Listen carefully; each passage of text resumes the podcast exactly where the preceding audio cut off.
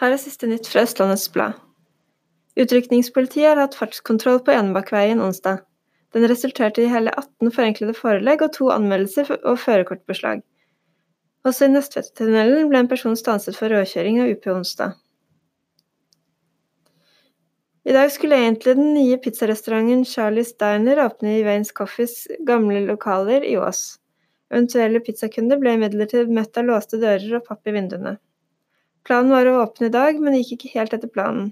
Vi har satt opp en ny dato på mandag. Det er ganske sikkert at vi er klare til å åpne da, forteller Julie Skipperud. Forskere mener spørsmålet ikke er om, men når villsvin etablerer seg i Folloskogene. Kommunene snakker sammen om hvordan de skal møte uvesenet. Det ble en stemningsfull markering av frigjøringsdagen ved Ski middelalderkirke onsdag kveld. Se bildene på øbe.no. Mange var ute og løp Follotrimen i Ås onsdag. Resultatene og stort bildegalleri finner du også på øbe.no. Øbenytt fikk da Birgitte Henriksen.